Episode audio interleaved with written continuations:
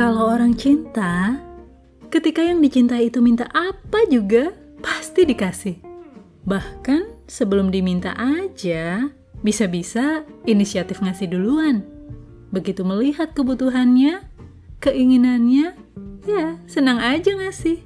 Karena dasarnya mengasihi. Tapi, kalau orang gak suka, gak ada hati, mau sampai memohon gimana juga, gak bakalan dapet. Untuk masuk ke hati setiap orang, ada rahasianya dan berbeda. Untuk memikat hati seseorang juga perlu cara, sampai hatinya disenangkan dan hubungan pun menyenangkan. Namun, hati-hati jika sudah menyakiti, bukan main rasanya.